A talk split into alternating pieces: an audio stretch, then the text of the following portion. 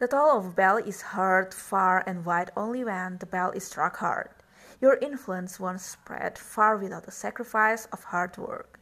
The world notices your effort more quickly than you think. It is important that you work hard, but don't be enamored of the feeling of working hard. If you're drunk on that feeling, then you care less about the actual work than about how you appear to others to be working hard. The most dangerous people are those who have passion but lack wisdom. If you want to predict how a politician will act after winning an election, look at how he currently lives and how he has behaved in the past. A person doesn't live the way he says he would, he lives the way he has been living. Historically, the people who bring about change in society tend to be not the middle aged but the passionate youth.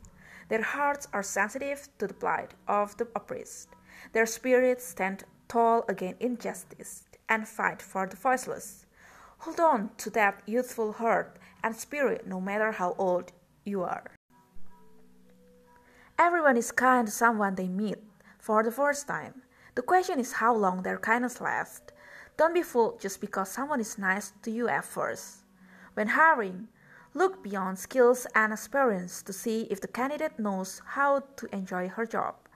People who enjoy the work are usually more successful than those who don't. No matter what we do, the top button of our business must be fastened properly. If we think, I'll just do it the way for now and fix it later, it usually doesn't happen. Because later we may not have the motivation to fix it, or we just get used to the way it is.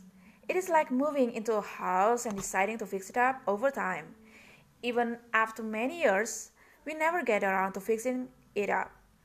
We end up just living with the way things are for a long time. From the things you can see only when you slow down by Haemin Sunim.